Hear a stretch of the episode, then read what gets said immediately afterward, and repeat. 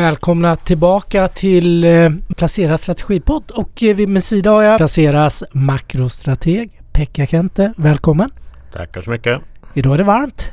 Ja, det, vädret har ju schystat på sig här under senare tid. Ja, och det är precis, och det är augusti. Eh, vi är igång direkt nu då och eh, kastar oss in i vad som komma skall efter en oerhört händelserik månad som juli har varit. Trots allt makromässigt mycket statistik, börsmässigt mycket bolagsrapporter.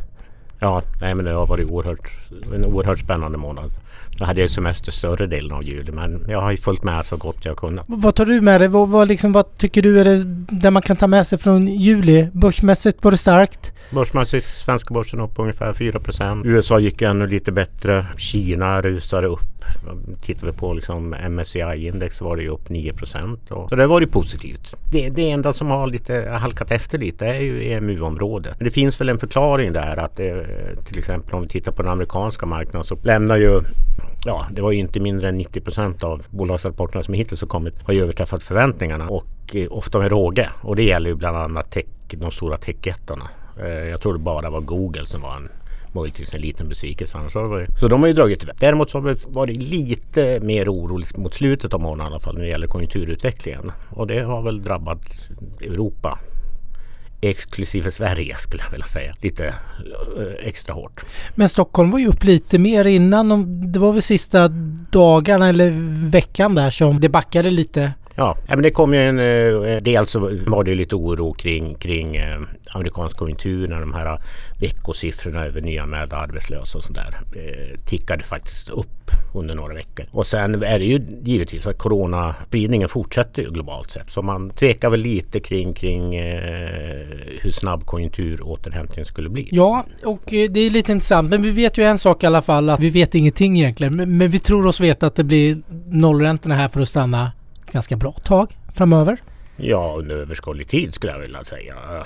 Jag har svårt att se vilken centralbank som skulle kunna gå ut och höja i, inom de närmaste åren. Det finns ju två skäl till detta. Dels att resursutnyttjandet i ekonomin, det vill säga hyggligt hög arbetslöshet, troligtvis ganska lågt inflationstryck kommer ju hålla tillbaka dem. Sen ska vi komma ihåg att statsskulden har nu liksom rusat på och för att finansiera dem och, och ja, finansiera dels nya lån men även refinansiera gamla lån så är det väldigt gynnsamt om, om även långa räntor hålls nere. Så att jag har svårt att se en, en räntehöjning inom liksom de närmaste två, tre åren. Det är TINA som gäller, har du pratat om ja, det har vi, tidigare? Det har vi ju pratat om egentligen hela den här våren och försommaren. Att det finns liksom få alternativ till aktier som placeringsalternativ. Och det här är ju någonting som i alla fall jag upplever att man diskuterar ännu mer på marknaden idag. Och att det är en, faktiskt en ganska kraftig alltså drivkraft för börskurserna. Ja, det är mycket, mycket kapital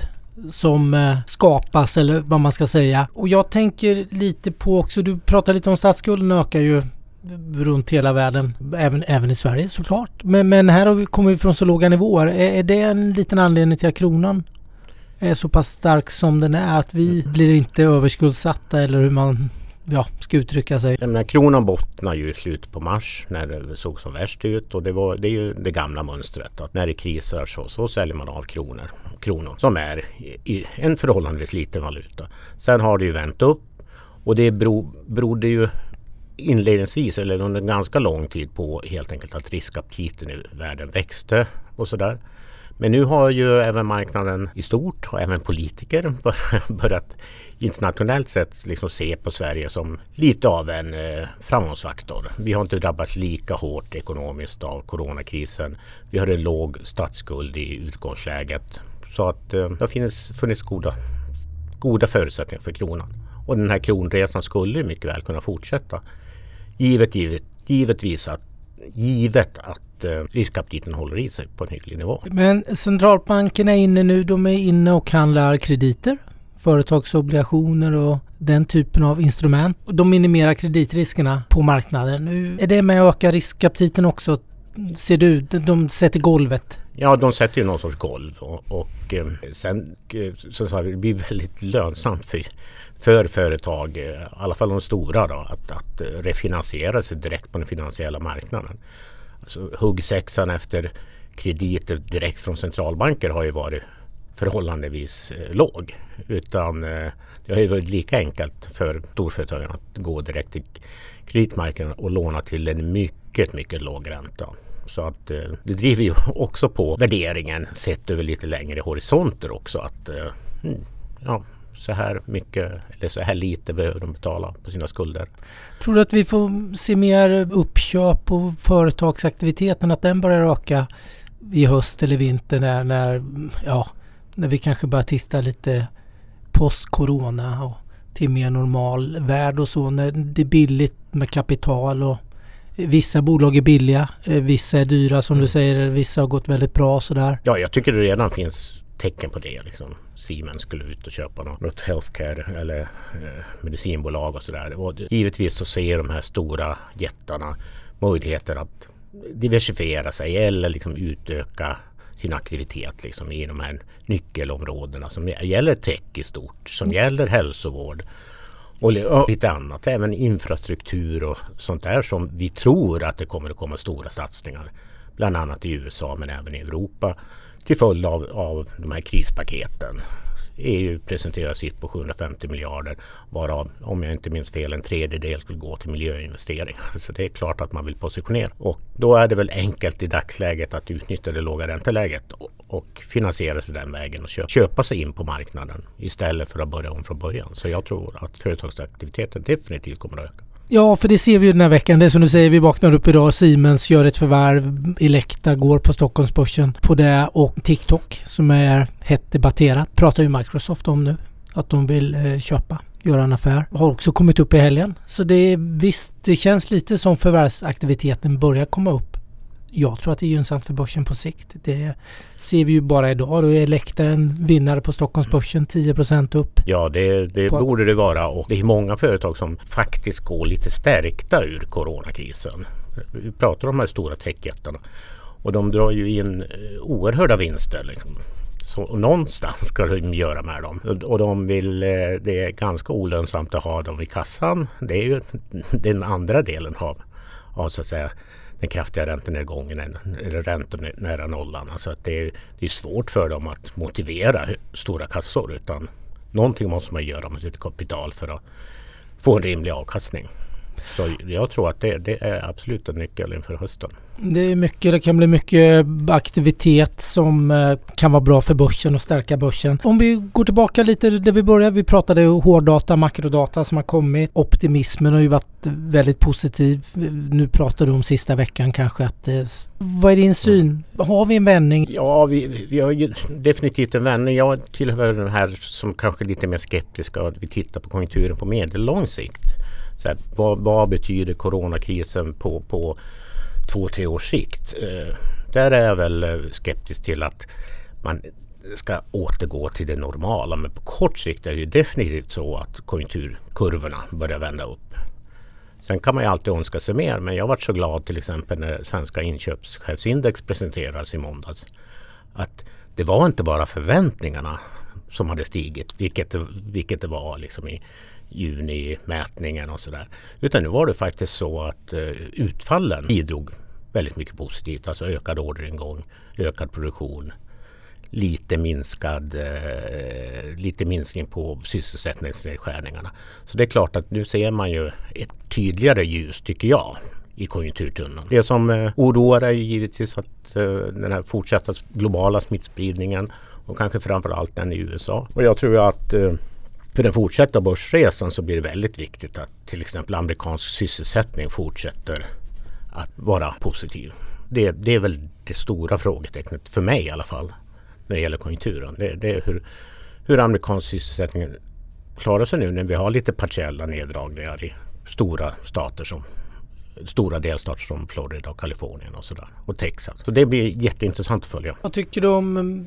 Det krävs ju ett vaccin där vi ju på något sätt hela marknaden ense om för att det ska kunna bli kanske lite mer som det var tidigare. Man tänker på flygresor och mm. många sektorer som har blivit eh, hårt angripna. Vad, vad har du för förhoppningar där? Eller vad, det kommer ju lite ny data eller vad man ja. ska säga, information från tid till annan och drar börsen lite upp och sådär. Ja, Ryssland ska ju, ska ju börja med sitt nya vaccin här redan i höst. Skulle väl börja med att vaccinera lärare och läkare. Får se hur det går. Amerikanska smittskyddsexperten Fauci har väl sagt att det är en god chans att det finns ett vaccin innan årsskiftet. Och för mig är det ju ett vaccin en förutsättning för att världsekonomin ska ha en chans att återgå till någon sorts normaltillstånd. Även fast vi inte riktigt vet vad normaltillståndet är. Men du förstår vad jag menar. Ja, jag att, att, äh, resandet kommer igång, global handel kommer igång, den typen av... Där, där tror jag att vaccinet absolut nödvändigt. Känner du en större oro idag? Vi satt ju här för en månad sedan för den eh, amerikanska och den globala återhämtningen. Eller tycker du, är, är det blandat? Eh, vad, är dina tankar?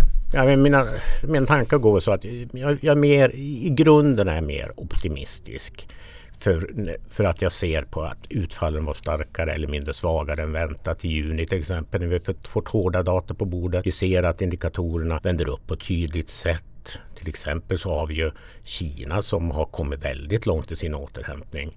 Japan visar fina siffror här också. Konjunkturmässigt så är jag väl mer optimistisk idag än vad jag var för en månad sedan. När det gäller coronan mer pessimistisk. Att, eh, men vi kommer inte få se de här totala nedstängningarna. Det, det skulle förvåna storligen. Nu har vi ju rätt eller fel, men, men man börjar inse att sådana här totala nedstängningar har ju i sig liksom väldigt negativa effekter på ekonomier, på samhällen i stort och i förlängningen även på folkhälsan. Så att, eh, det ligger väl lite i betraktarens öga om man tycker det är cyniskt eller pragmatiskt mm. att, att se på det på det sättet. ECB pratar du om, de gör ett, eh, en lilla, inte ECB utan EU. EU. Det här stora stödpaketet på 750 miljarder euro. Vad har du för tankar där? Eller det är finanspolitiken, stimulanserna, är de är det liksom så bra som det kan bli eller har vi mer att komma med? Får vi en andra våg av coronan så kan det säkert komma men de här 750 miljarderna man kan ha synpunkter på finansieringen och fördelningen och, och villkoren och sådär. Men det var ju nödvändigt även för svensk ekonomi att, att, att det kom ett sånt hyggligt omfattande paket. Alltså vi, vi måste ju försöka få eh, kickstart i ekonomier som Spanien och Grekland och Italien. Även för vår egen skull. Liksom. Annars, annars blir vi ju bärande med dem i många, många år som, som liksom ekonomier som går lite kräftgång. Så det var ju helt nödvändigt. Och det är tillräckligt stort? Det, för det är ju stort. Det, det är stort men USA satsar ju ännu hårdare. Liksom. Så att, eh, men sen ska man ju komma ihåg att de enskilda länderna gör ju också sitt till, till exempel Tyskland och, eller, och Frankrike. Statsskulder har vi glömt bort för närvarande i ja. alla fall. Vi återgår och kommer om det om ett år. Ja, ett eller två år mm. eller vad det nu blir. Mm. Och det, det kommer vi att komma tillbaka till. Om vi pratar USA, de har ju stor statsskuld. Va, vad gör man där nu? För där har deras det senaste stödpaketet till, just till arbetslöshet och den, den mm. typen av... Det löpte ju ut väldigt mycket. Framförallt på arbetsmarknadsområdet löpte ju ut 31 eh, juli.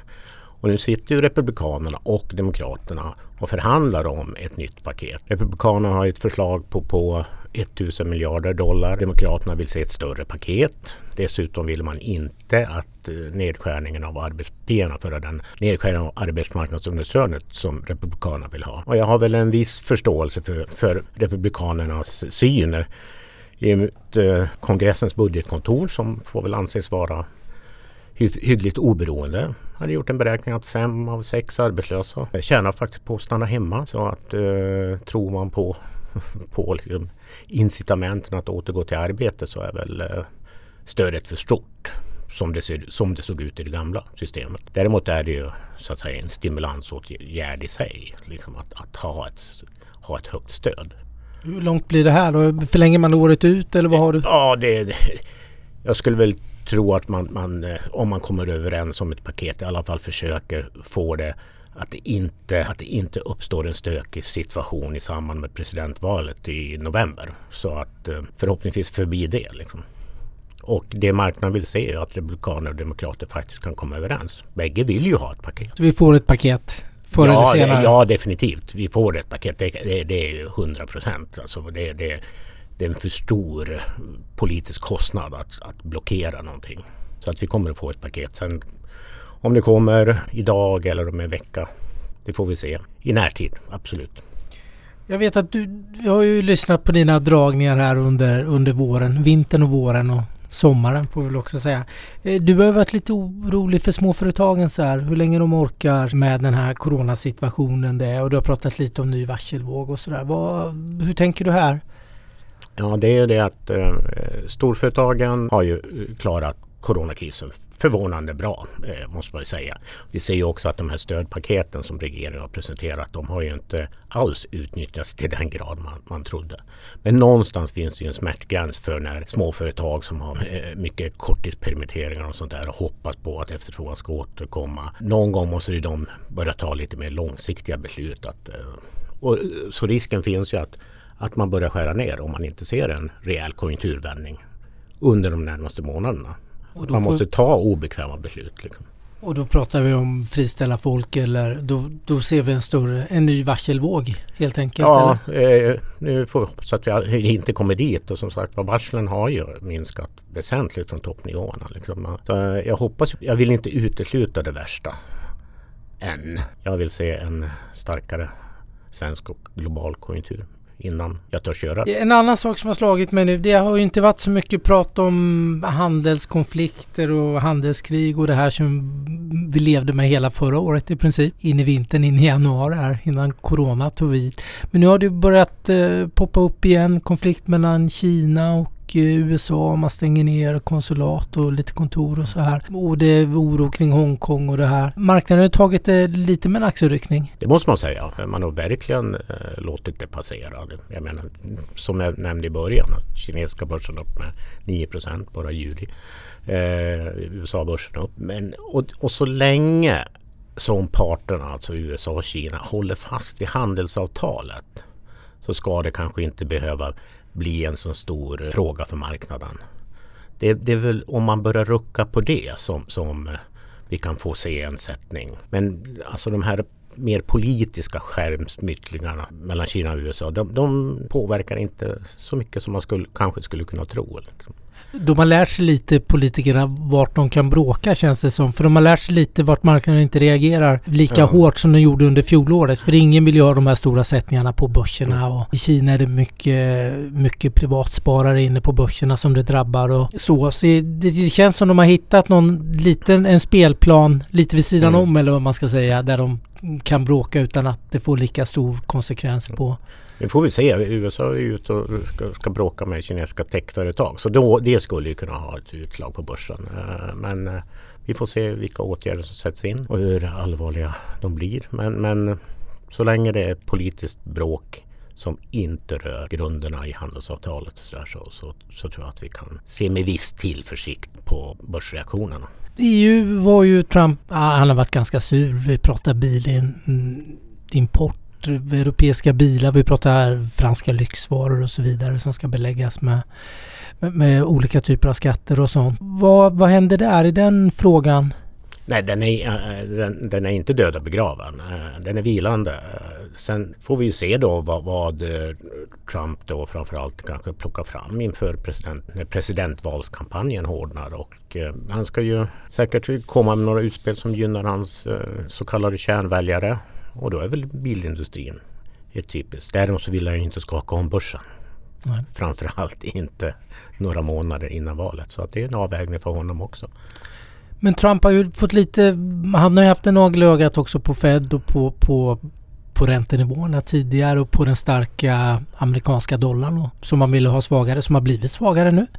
Ja, som har blivit väsentligt mycket svagare. Eh, inte bara mot kronan utan generellt sett. Sen har vi kronan kanske varit en av de valutor som gått allra starkast mot dollarn. Jag såg att det var vinnaren faktiskt. Jag ja, fick något i fredags och då var det årets vinnare i alla fall och, tror jag. Ja, årets vinnare från botten där. Eh, det är möjligt att norska kronan skulle kunna konkurrera men det beror på vilken eh, jämförelseperiod man väljer. Jag menar norska kronan åkte på en jättesmäll i slutet på mars.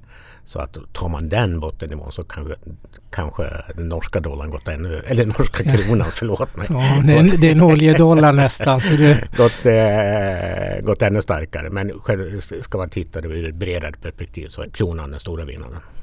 Tror du att den lugnar ner sig nu ändå? För nu är ju alla ute och skriker om att dollarn ska bli ändå svagare och då känner jag som är så pass gammal, har varit med så länge. Då höjer jag ett litet varningens finger när det börjar stå på första sidorna både här och där att dollarn kraschar och så vidare.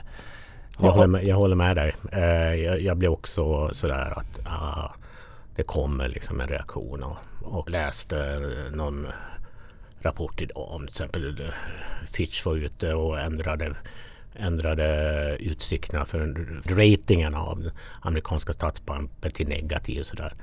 Men det man alla konstaterar att det är fortfarande dit kapitalet kommer söka sig om det skakar till och då blir dollarn givetvis en vinnare. Dollarn är fortfarande en eh, världsvaluta nummer ett överlägset och kommer att hålla fast vid den positionen under överskådlig tid. Vad än Goldman Sachs skriver i sina analyser. ja men du har en poäng. Jag sa att den är faktiskt, dollarn är involverad i nio av tio alla valutaaffärer som görs globalt är dollarn en av valutorna. Liksom. Så det, jag trodde inte att det var så mycket men enligt, inte Goldman men Bofa eller Merrill Lynch hävdar det och att det är en världsvaluta. Och förra veckan stärktes den faktiskt en procent mot eh, den valutakorgen som man tittar på. Vilket var första veckan på väldigt länge. Så mm. som det fanns någon form Det kan ha varit en botten. Jag vet inte. Vi får väl se. Nu tror jag den... Jag menar, håller, håller, håller liksom riskaptiten i sig. Eh, jag menar det är ytterligare en faktor som man lyfter fram när det gäller till exempel dollarsvagheten är att man tror att numera att Europa ska, konjunkturen i Europa ska vända snabbare än i, i USA. Så det kan väl fortsätta att trycka ner. Men det kräver ju samtidigt att riskaptiten håller i sig. Liksom. Det blir ju lite, man får ju tänka nästan lite tvärtom. Jag menar, svag konjunktur i USA eh, betyder sämre riskaptit kan betyda starkare dollar. Liksom. Och tvärtom. Går det riktigt bra i USA så kan dollarn försvagas. Mm. Det, det är ett väldigt spel liksom i den. Men trenden är ju nedåtriktad. Eh, och det är inte några extrema nivåer som dollarn ligger på. Den, senast de låg på den här nivån var väl 2018 någon gång. Liksom, tidigt 2018. Vad gör du nu då? Hur tänker du i augusti? Liksom? Vad, vad är dina allokeringstankar? Ja, men jag har ju varit alldeles försiktig egentligen hela vägen i den här återhämtningen. Jag har försökt höja aktieandelen någon gång och sådär. Blivit nervös för konjunkturen och smittspridningen. Så jag har ju legat alldeles för lågt i min allokering eh, och det är bara att erkänna. Och jag tycker väl att eh, någon gång så, så måste jag också komma till insikt och inte vara den här konjunkturpessimisten. Eh, och nu när jag tycker att det kommer lite tydligare signaler så tycker jag att det kan vara vettigt att höja aktieandelen något. Osäkerheten är fortfarande stor. Visst, det kan komma bakslag, men så länge konjunkturkurvorna pekar uppåt så tycks marknaden ändå kunna sälja en hel del för tre. Och vad är alternativen? Ja, råvarumarknaden har ju också gått bra. En mycket beror på en svagare dollar. Räntor känns, känns, ger ju väldigt låg avkastning i alla fall när det gäller lite säkrare tillgångar. Så aktier, TINA där igen. Så jag, jag, tycker att man kan vara lite mer offensiv i alla fall. Lite mer offensiv, öka aktiedelen eller andelen en bit? Ja, nu höjer jag från 50 till 60 procent. Det är fortfarande lite undervikt aktier. Vi säger ju att en långsiktig aktieandel kanske ska ligga på 70-80 procent. Fortfarande lite underviktad och det beror ju helt enkelt på att ja, det finns ändå en, en grundosäkerhet vad gäller konjunkturutvecklingen. Sen har vi ju haft en fantastisk börsresa. Det känns ju lite grann som att det kan vara dags att ta hem vinsterna för många. Augusti är dessutom en stor semestermånad i andra delar av världen så det blir lite, kanske en lite lugnare resa. Lite mm. känsligare börs. Ja, lite och bolagsrapporterna ebbar ut och ja. det men det, det, konjunktursignalerna som kommit i inledningen på augusti har varit positiva. Vi får en, en, ett amerikanskt krispaket förhoppningsvis inom några dagar som ska ge börsen en skjuts. Så jag tror att vi kan få en bra start och sen får vi se. Det finns ju så här, talesätt att man ska köpa till sillen och sälja till kräftorna. Det spär väl på någon sorts grundosäkerhet mm. hos mig. Då. Men, men, aktier absolut långsiktigt, kortsiktigt, ja där också. Härligt och jag vet att du är på väg på lite semester nu. Vi ja. som har jobbat här de sista veckorna. Jag önskar dig en trevlig semester. Så är vi, vi är tillbaka om en månad igen. Det är vi. Och då vet vi mer om allt som vanligt. ja, ha det så bra så hörs vi. Tackar så mycket. Tack hej.